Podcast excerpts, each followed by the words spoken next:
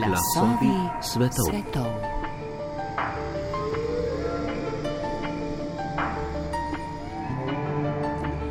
Digitalno spletno okolje danes že predstavlja ključen segment naših življenj.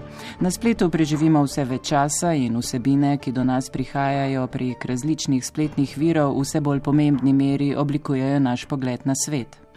To je pri otrocih in mladih, ki svet na sveže odkrivajo, še toliko bolj relevantno in daljnosežno. Današnji splet je obenem tudi zelo kompleksno in precej nepregledno okolje, kjer marsikaj poteka drugače oziroma z drugačnimi povdarki kot v običajnem svetu. Tako ni vedno preprosto ugotoviti, katere informacije dejansko držijo, kako in zakaj so določene vsebine prišle do nas in kaj nam pravzaprav ponujajo kdo vse se ne mara skriva med našimi spletnimi prijatelji. Po eni strani se seveda s temi novimi pastmi seznanjamo in se jim tudi skušamo izogniti, kar velja tudi ali morda še prav posebej za mlade uporabnike spleta, po drugi strani ima digitalno življenje svoj nezanemrljiv vpliv v dobrem in slabem. Kaj nam torej nekateri trendi, ki jih je moč zaznati na spletu v zadnjem obdobju, lahko povejo o tem, v kakšnem digitalnem okolju se morajo danes otroci in mladi učiti spletnega plavanja in kako to oblikuje njihove izkušnje, bo v središču tokratnih podob znanja. Današnja gostja je izredna profesorica dr. Bojana Lobe z Fakultete za družbene vede Univerze v Ljubljani. Doktorica Bojana Lobe, lepo pozdravljeni. Pozdravljeni. Ljudje vsekakor smo zelo prilagodljiva bitja, naši možgani so izredno prilagodljiv organ, ki se skuša vedno znova pač kar najbolje prilagoditi v svetu, v katerem se znajde. In tako nevrologi na eni strani že zaznavajo tudi spremembe v načinu, kako možgani zaradi specifik spletnega okolja danes drugače obdelujejo podatke, kot so jih nekoč. Vi pa, profesorica Lobe, raziskujete konkretno izkušnje mladih in otrok na spletu. Kaj bi lahko rekli, so morda ključne spremembe, kako mladi uporabniki delujejo na spletu, recimo skozi zadnje desetletje ali nekaj več? Torej, v času, ko se je dejansko izoblikovalo spletno okolje, kakršnega poznamo danes, okolje, ki ga v pretežni meri obvladujejo malo številni tehnološki velikani, katerih poslovni model pa zahteva čim daljšo pozornost uporabnikov na njihovih platformah. Ja, za začetek mi prosim dovolite, da na kratko pojasnim, kateri dejavniki um, oblikujejo te izkušnje otrok pri uporabi digitalnih tehnologij. In sicer v naših raziskavah se osredotočamo na to, da poskušamo pojasniti te online izkušnje otrok in mladih na treh nivojih. Prvi je ta mikroindividualni nivo na nivoju posameznika, se pravi posameznega otroka in mladostnika. In to so pomembni neki individualni dejavniki, kot so naprimer starost, spol, um, različni sociodemografski dejavniki, značilnosti, kulturne vrednote, potem osebnostne značilnosti posameznega otroka, mladostnika, omejitve možnosti, naprimer pri dostopu in pa seveda kakšne veščine uh, imajo pri tem, ko uporabljajo digitalne tehnologije. No, potem Ta nivo je tesno povezan z naslednjim nivojem, ki je v bistvu mezonivo, uh, družbeni nivo, kamor sodijo recimo starši, pa ne le starši, ampak pač tisti, ki s tem otrokom uh, živijo, oziroma ni nujno, da živijo, lahko gre tudi za razširjeno družino, se pravi detki, babice, skratka vsi, ki so v tesnem stiku z njim. Um, sorojenci so zelo pomembni, ne, se kaže skozi raziskave in vse to nekako zaznamuje in oblikuje te izkušnje posameznega otroka in predstavlja neke predispozicije, ali bo otrok recimo neko izkušnjo na spletu doživel kot vem, škodljivo, ker zelo radi govorimo o škodljivih tveganjih, ali bo to za njega priložnost in pa ali se bo znal soočati s to situacijo in se premakniti naprimer naprej. Na tem nivoju so pomembni tudi sovrstniki, ki jih srečujejo recimo v šolskem okolju, v šolskih dejavnostih, učitelji in pa v bistvu celotna skupnost, v katero so otroci vključeni. Sem pa ne na zadnje vključujemo tudi digitalno ekologijo To konkretno pomeni nek vpliv izkušenj, ki jih otrok pridobiva na spletu skozi računalniško posredovano komunikacijo, skozi to digitalno komunikacijo, digitalno interakcijo. Um, recimo, ko igrajo multiplayer igrice ne, in so v stiku z ostalimi, pa recimo pri udejstvovanju v kakšnih drugih spletnih okoljih in dojemanje teh okolij je ključno. Uh, se oblikuje oziroma so oblikuje te spletne izkušnje. No, tretji najvišji nivo uh, je pa makro nivo in sicer na nivoju države.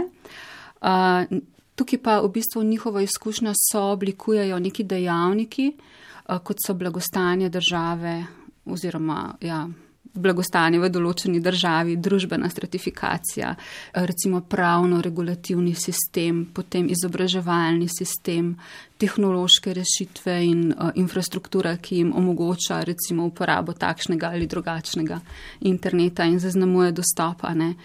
Um, družbene in kulturne norme, ne na zadnje, vse to so oblikuje. Zdaj, če pogledamo zadnje desetletje, vidimo, da je na tem področju v zadnjih desetih letih prišlo do velikih sprememb. In sicer otrokom in mladim je, so praktično vsakodnevno na voljo neke nove vsebine, nove aplikacije, platforme, naprave, tehnologije. In um, zdaj, ko bom nizala te podatke, se bom v bistvu osredotočala oziroma bom imala podatke iz um, nekaj ključnih raziskav, ki so se zgodile v zadnjih desetih letih. Ena taka zelo velika je mednarodna raziskava EUKIC Online, eh, z njo smo začeli leta 2006 in jo še kar nadaljujemo. Znotraj tega imamo določene sistematične faze zbiranja podatkov, naprimer 2010 smo zbrali zelo veliko podatkov, 25 tisoč otrok smo poanketirali v celi Evropi. Um, potem naslednje zbiranje je bilo med 2017 in 2019. Um, tukaj, nažalost, Slovenija ni bila vključena, zaradi tega, ker pač nismo dobili um, dovoljšnih sredstev. Države smo bile namreč um, primorane sredstva zbirati same, medtem ko v prvem valu nam je to uh, financirala Evropska komisija prek tega programa Safer Internet Plus. No, potem um, ena taka raziskava je bila tudi Mladi na netu, tudi v bistvu že desetletja nazaj narejena, ki je bila prva sistematična raziskava na um, celotnem vzorcu oziroma reprezentativnem vzorcu, verjetnostnem vzorcu slovenskih otrok in mladostnikov. To pomeni, da smo potem te sledke res lahko na vse otroke in mladostnike v neki starostni skupini od 8 do 18 posploševali v Sloveniji. Uh, vmes so bile pa še manjše, recimo kvalitativne z manjšimi otroci. Ne?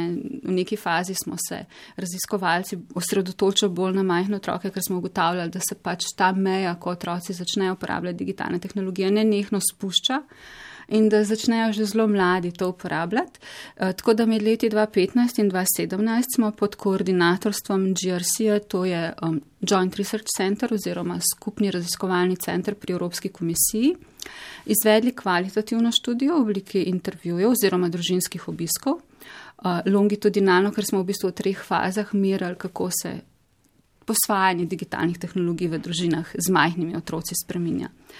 Tako da ja, prva, recimo, velika sprememba, ki jo zaznavamo od vseh teh raziskavah, ne, pa tudi, če pogledamo okrog sebe, je ta, da se je zelo spremenil način dostopa. Če je bil recimo deset let nazaj ta dostop omejen na neko prostorsko, uh, na nek prostor, ne? se pravi, otroci so imeli ali um, prenosni računalnik, ki so ga bodi si nekam postavili, oziroma namizni računalnik in so starši imeli zelo veliko pogled v to, kaj se je dogajalo je zdaj pač obdobje pametnih telefonov. Um, ravno zadnja EUKIC online raziskava je v bistvu pokazala, da je to prevladojoč način dostopa do interneta, do aplikacij, platforma, ne, da otroci v bistvu res v večini uporabljajo um, mobilne telefone, predvsem najstniki.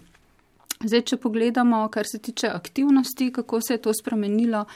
Um, če je bilo pač deset let nazaj to primarno namenjeno predvsem um, vem, informiranju in temu, da so seveda uporabljali uh, internet tudi zato, da so si pomagali pri šolskih aktivnostih um, in pa seveda komunicirali.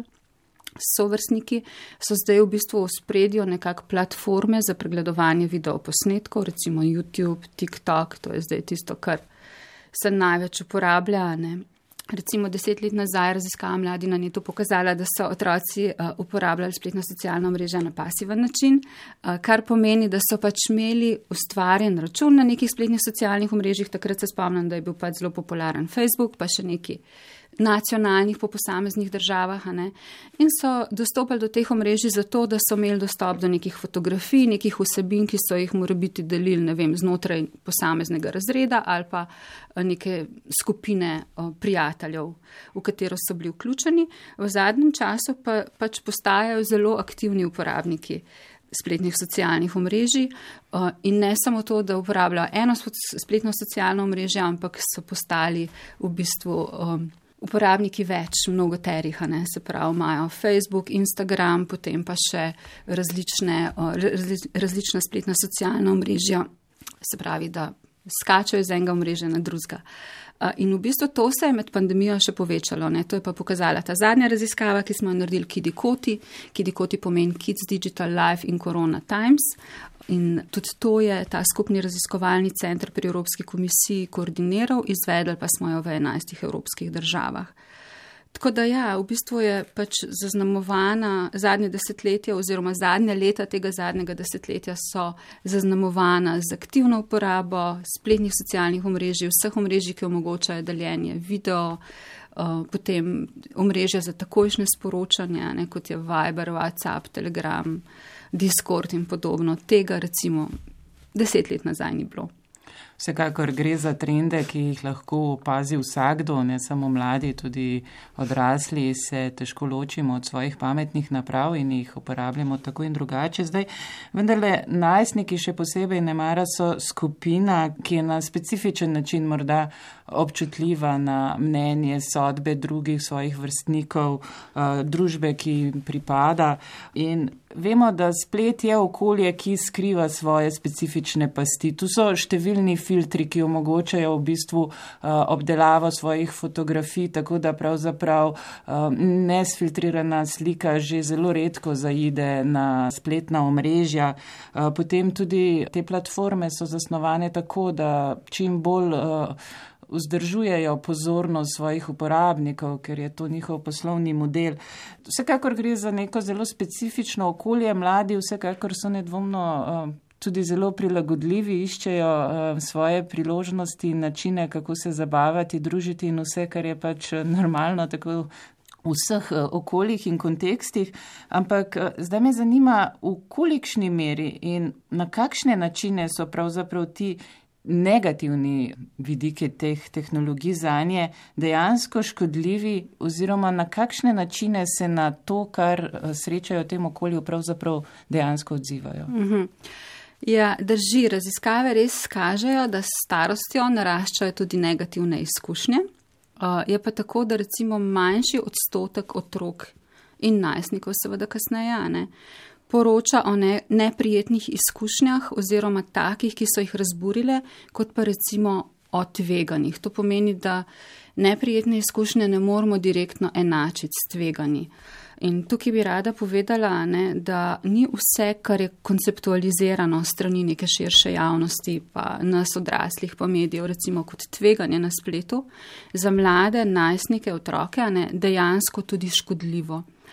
Um, z leti, v vseh teh letih raziskovanja ugotavljamo, da zadeva res ni enoznačna, da nekaj, kar se lahko izkaže kot priložnost za enega otroka, je na drugi strani lahko nekaj tveganega za drugega. Ne?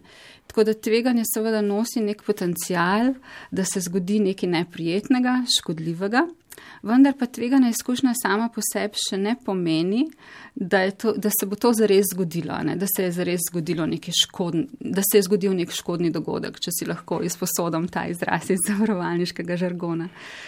Zato je v bistvu ključno, da naredimo ta pomenski razloček med tveganjem in pa dejansko škodo kot posledico nekega tveganja, s katerim se mladi srečujejo na internetu. Zdaj, kako velika pa bo ta škoda, ne? kako bo nekaj za njih škodljivo, če sploh, bo, uh, je pa odvisno od njihovih veščin, uh, ki jih imajo. In um, če smem zdaj par besed o teh veščinah. Te veščine nekako delimo v operativne veščine, recimo, kaj znajo konkretno, ko pridajo na internet, ko začnejo uporabljati neko napravo, ali se znajo povezati, ali se znajo zaščititi, prenesti aplikacije, res te pač osnovne. Neka računalniška pismenost, dajmo reči temu, a ne. Se pravi, gre vse, kar je pomembno za to, da mladi suvereno uporabljajo tehnologije. Sam spadajo. Pridejo do tega, da so potem izpostavljeni potencijalnim škodljivim. Tako, tako, ja, tako. Tudi recimo veščine za varno rabo spadajo v to skupino. Ne. Potem poznamo um, drugo skupino um, veščin, to so informacijsko-navigacijske veščine, ki omogočajo neko kritično udejstvovanje na spletu. Se pravi, ali znajo poiskati tisto, kar jih zanima po domače povedano, a znajo ločiti zrno od plevela. Se pravi, kaj so tiste prave informacije, ki jih iščejo, kaj so kvalitetne informacije, kaj so neke lažne informacije, dezinformacije. In recimo ravno to je tisto, kar se je zdaj v pandemiji izkazalo, da, da zelo velikih je nekako naletelo na informacije, ki so jih ocenili kot o, nekaj, kar so dojeli kot lažne informacije. Potem, katerim verom informacijam lahko um, zaupajo, katerim ne, in podobno. Um, potem so še komunikacijske veščine, ki so ključne za upravljanje odnosov na spletu, se pravi, katere informacije je pametno deliti z ostalimi, s kom jih bojo delili, kaj lahko delijo, česa ne smejo deliti um, ali se znajo obnašati na internetu, ne? se pravi, nek bonton, uh, potem kaj je primerno v določenih situacijah, ko so v interakciji še z nekom, kaj ne, ali znajo omejiti dostop do tega, kar delijo. Znajo oceniti, komu lahko zaupajo, uh, koga ne, koga ne smejo spustiti v nek krok prijateljev, recimo na spletnih socialnih omrežjih.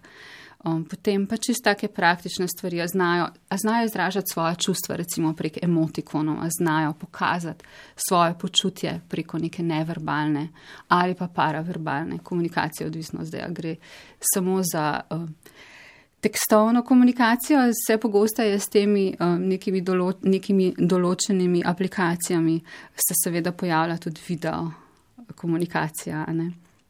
In zadnja skupina so pa veščine za ustvarjanje vsebin na spletu, to je v bistvu nekako najviše po tej hierarhiji, ne? se pravi, ali znajo ustvarjati in deliti neke vsebine in pa seveda, kako so samozavestni pri tem. Ali so recimo vešči osnov programiranja, izdelovanja spletnih uh, strani, um, objave posnetkov, oblikovanja in objave fotografij in podobno. In seveda več kot obvladajo tega, a ne logično, bolj opolnomočena bo njihova spletna izkušnja in manj bo teh nekih negativnih vidikov.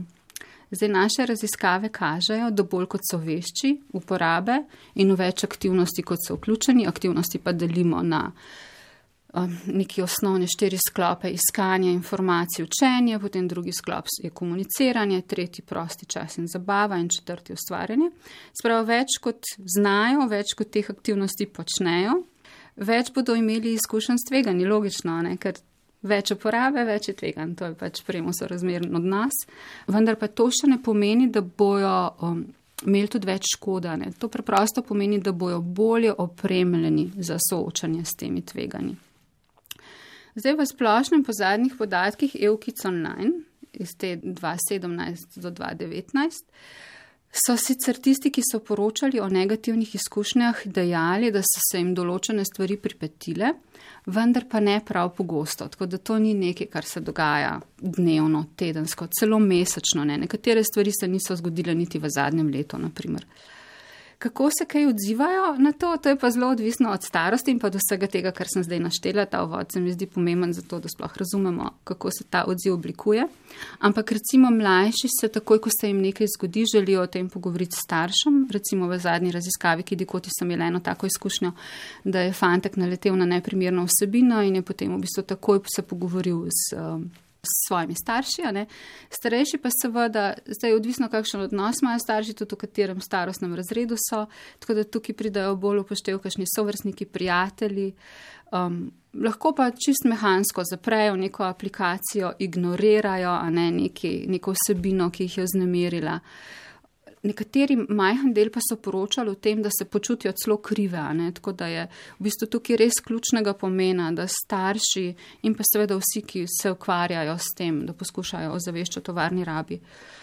Um, nekako skozi pogovor poskušajo te stvari razdelati in povedati, kako in kaj, da ta krivda potem ne pristane na strani otroka. Ne. Uh, večina pa sicer poroča, da vedo, kaj je treba v teh primerih zgoditi, če bi se jim kaj tazga zgodilo.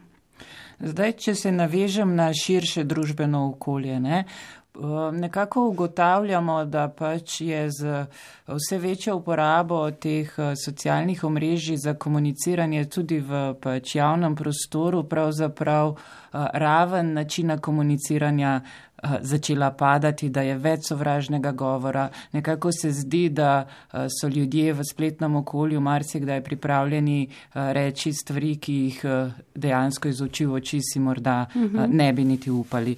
Se pravi, otroci in mladi vendarle vstopajo v neko okolje, ki se zdi, da je bolj. Um, radikalno, bolj uh, ostro, ne mara na nek način, kot pač uh, neko dejansko medosebno okolje v, v analognem, običajnem svetu. Um, in tudi pri mladih verjetno imamo ta pojav, ko sami pravzaprav morda se spravijo na vrstnika, sami širijo kako informacijo, ki ni točna. Skratka, koliko je ta element pri mladih pravzaprav zaznan, kakšne so njihove strategije, kako gledajo na na te vidike. Se pravi, strategije izogibanja. Izogibanja, um, ne vem, pomoči medsebojne, kadar je nekdo žrtev nekega napada. Kaj ti uh, vemo za primere, ne, ko pa se je lahko žrtev počutila tako zelo napadeno v digitalnem svetu, da je prišlo celo do samomorov. Um, tako ja. da uh, možne reakcije so lahko zelo ostre. Ne. Se strinjam, ja. Zdaj tukaj konkretnega odgovora nimam, ker mi v bistvu te interakcije v neki so pomoči, a ne tega nismo uh, merali v naših raziskavah.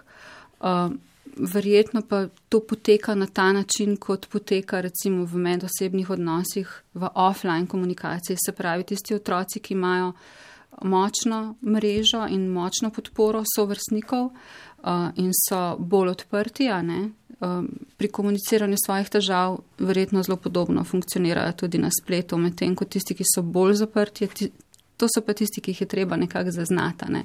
In tukaj, kot sem rekla, pa že v zgodnjem otroštvu starši lahko naredijo kar konkreten korak. Recimo ravno iz te raziskave z majhnimi otroci od nič do osem ko smo se pogovarjali s starši, pa smo jih sprašvali, kakšne strategije starševskega posredovanja imajo, pa če se že kaj pogovarjajo z otroci, o, otroki o tem, kako uporabljajo digitalne tehnologije. In večina je tam do enega sedmega, osmega leta rekla, oh, pa se se še nič takšnega ne dogaja, se še ni nobene potrebe potem. Problem je v tem, da ko nastane potreba, smo mogoče že malček prepozni, tako da je v bistvu treba nekako to vključiti. Se je treba torej opozoriti otroke na to, kaj jih čaka, še preden se dejansko spustijo tako, tja. Tako, ja, tako. Predvsem nek pozitiven, konstruktiven, zaupan odnos, komuniciranje, odprt odnos med starši in otroki. Zdaj uh, vemo tudi, ne, kako zelo pomembni so za mlade uh, njihovi uh, idoli, ljudje, zvezdniki, ustvarjalci, po katerih se zgledujejo in tudi tu poznamo v spletnem svetu zdaj tako imenovane vplivneže. Uh -huh. uh, tudi na nje, na njihov vpliv se usmerjate v eni izmed vaših raziskav, doktorica Bojana Lobeč, lahko morda na kratko še kaj o tem, kaj so pravzaprav ti pokvarljivi ideali, ki jih tu spremljate. Ja, v bistvu ta raziskava je šele v teku. Je longitudinalna študija, pet let traja, zdaj smo v bistvu v drugi fazi zbiranja kvantitativnih podatkov. Gre pa za to, da na družabnih oziroma družbenih omrežjih in televizijskih serijah se pogosto pojavljajo neke nerealistične vsebine. To so nekakšni pokvarljivi ideali, ne? se pravi, danes je neki in jutr je out, jutr se pa zadeva popolnoma obrne. Naprimer, to so računalniško obdelane fotografije privlačnih manekenk oziroma um, obeh spolih je to, ne, za oba spola lahko to govorimo, potem nerealno visoki dosežki v šoli, naprimer objave nenehnih družen, izpotovanj in podobno, zabavanje s prijatelji. In uh, s to raziskavo Mimik um, Se pravi, z raziskavo projekta Mimik želimo pridobiti boljši pogled, kako pogosto mladi med 12 in 18 let na družabnih omrežjih objavljajo te idealizirane vsebine o sebi, o njihovem videzu, o aktivnostih s prijatelji, uspehih in pa v bistvu kako se odzivajo na ta nerealistična um, sporočila oziroma na te nerealistične prikaze. Zato bo raziskava kot taka preučila tudi odnos med uporabo medijev in o tem, kaj mladostniki mislijo o sebi, se pravi, kako to vpliva na njihovo identiteto, samo podobo, vrednost, ne, ki si jo pripisujejo in pa seveda o svojih vrstnikih in pa tudi širši družbi. Tako da želimo ugotoviti, kakšni so dolgoročni učinki tega, ne, teh influencerjev in teh pokvarljivih idealov, se pravi v dobju enega leta in pa tudi kratkoročni, to bomo z neko dnevniško študijo um, letos jeseni ugotavljali. In v bistvu dve doktorski raziskovalki delata na tem projektu iz Slovenije. Ena je Jasmina Rosič, ona je sicer locirana v Ljubno, druga je pa Kristina Rakinič, eh, mlada raziskovalka pri nas na Fakulteti za družbene vede. In recimo Jasmina se um, pod men, so mentorstvom in mentorstvom mene in kolegice Laure Vandenboš, ki je um, tudi vodja tega projekta. Uh, se osredotoča na odraščanje v digitalnem svetu in poskuša ugotoviti, kako mladostniki doživljajo to svojo izkušnjo z vse prisotno mobilno povezanostjo. Recimo, mladostniki so eni najpogostejših uporabnikov mobilnih telefonov, kot sem že prej rekla, ne, in so nenehno vzpostavljeni iskanju nekega ravnotežja med prednostmi tega, da so skozi povezljivi in pa seveda neizogibnimi slabostmi, te mobilne povezljivosti. No in v bistvu iz neke perspektive pozitivne psihologije se projekt osredotoča na zmožnost mladostnikov vzpostavljati ravnoteže na teh dveh področji v povezavi s to mobilno povezljivostjo. In ta dva področja pa sta, prva se nanaša seveda na spletno komunikacijo, gre za nek koncept, nek nov koncept, ki se zelo veselim rezultatov tega in sicer gre za um, digitalno cvetenje, v angleščini rečemo temu digital flourishing in smo v bistvu tudi sami nekako priredili uh, mirsko lestvico za merjenje tega ne, in se osredotoča na to, kako opolnomočeni so mladi za pozitivno komuniciranje na svetu, uh, na spletu. Se pravi, ne to, kar so prej govorile, da, se, da je pač ustrahovanje, sovražni govor in podobno, ampak kako zna pozitivno komunicirati. Na spletu drugo področje se pa nanaša potem na medosebno komunikacijo v živo, se pravi offline, in tukaj pa gre tudi za nek nov koncept preučevanja in sicer kompetentna uporaba so prisotnega pametnega telefona, se pravi, um, ki se pa nekako sredotoča na spletnosti, na spretnosti mladih pri vzpostavljanju in ohranitvi medosebne komunikacije z vrstniki, se pravi, ko smo tako ena na ena, pa imamo telefon zraven, pa pride sporočilo ali pa nekaj poskušamo iskati, ne vem, kako se zdaj um, vedemo do tega, ki je pa z nami v živo. Pogosto lahko vidimo skupine mladih, ki se družijo nekje zunaj, pa vendarle vsak spremlja svoj telefon. Tako, tako. Ne, da to ni značilno tudi za odrasle, pa vendar ne.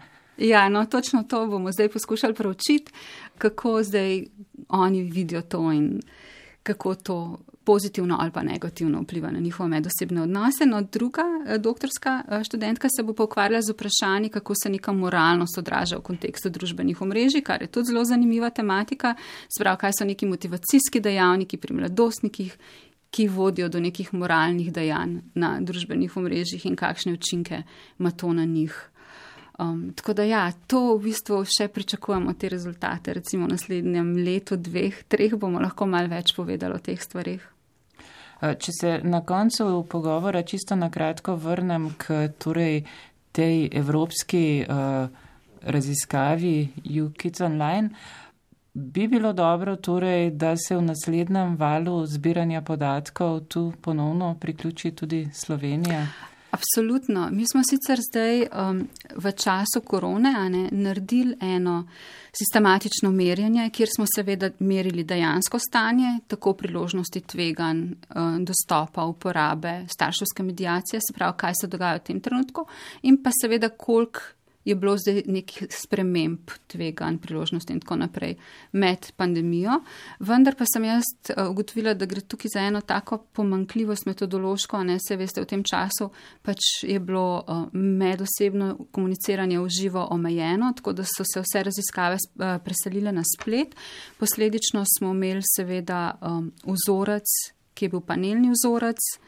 Um, sicer je bil kvalitetno narejen, ampak Ni pa to enako, kot če narediš nek verjetnostni vzorec in imaš uh, spisek ne, celotne populacije, kamor lahko zajamaš recimo tiste, ki so na spletu in tudi tiste, ki so malo manj na spletu. Ne. Jaz sem nekako pri teh rezultatih ugotavljala, da so bili pristranski v eno smer in sicer preveč pozitivni, ker tisti, ki se pač javijo za sodelovanje v spletnem panelu, so nekako izkušeni uporabniki, ne, ki imajo v bistvu potrebno znanje za to in pa tudi potrebno. Potrebna naprava. Tako, ja. ja, tako, ja. tako da um, definitivno si želim v bližnji prihodnosti izvesti eno tako raziskavo na um, verjetnostnem vzorcu. To konkretno pomeni, da lahko potem res posplošimo na celotno populacijo in ne gre za nek segment. Ne da bomo imeli čim boljši upogled, glede na to, da je več kot očitno, da se digitalnih tehnologij pač eh, ne bomo otresli. Absolutno ne. Najlepša hvala za tale pogovor. Želim vam še veliko raziskovalnih uspehov, pa hvala za obisk v studiu, izredna profesorica dr. Bojana Lobe. Najlepša hvala tudi vam za povabilo in um, seveda za pogovor.